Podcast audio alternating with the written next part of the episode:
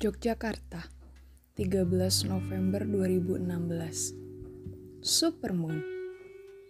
Aku menduga ini terjadi karena bulan tak kuat lagi menahan rindu pada bumi. Dikutuk sumpah. Eros 68 tahun lamanya berjauhan. Hanya bisa saling bersitatap.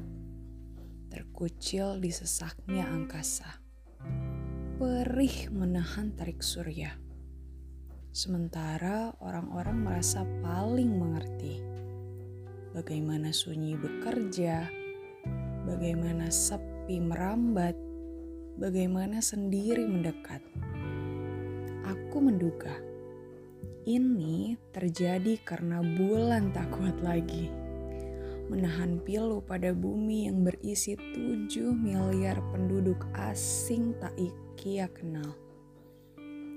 Hari-hari berkelahi, saling curiga zaman ke zaman, sedangkan ia hanya bisa menyaksikan memuncaknya perpecahan tiada niat hidup bersama.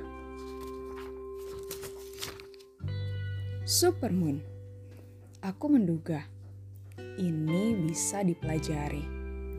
Ungkapan prihatin sebuah benda langit menjenguk satu planet yang kini sedang bernasib sial.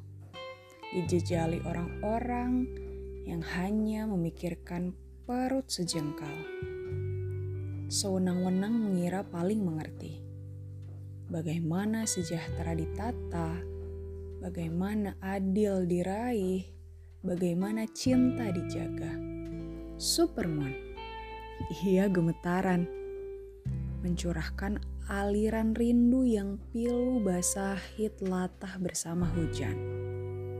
Sulur-sulur cahayanya mengincar dan menerobos kerongga dada.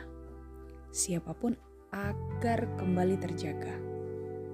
Dari tidur, dari tidur panjang peradaban. Dungu penuh kepalsuan.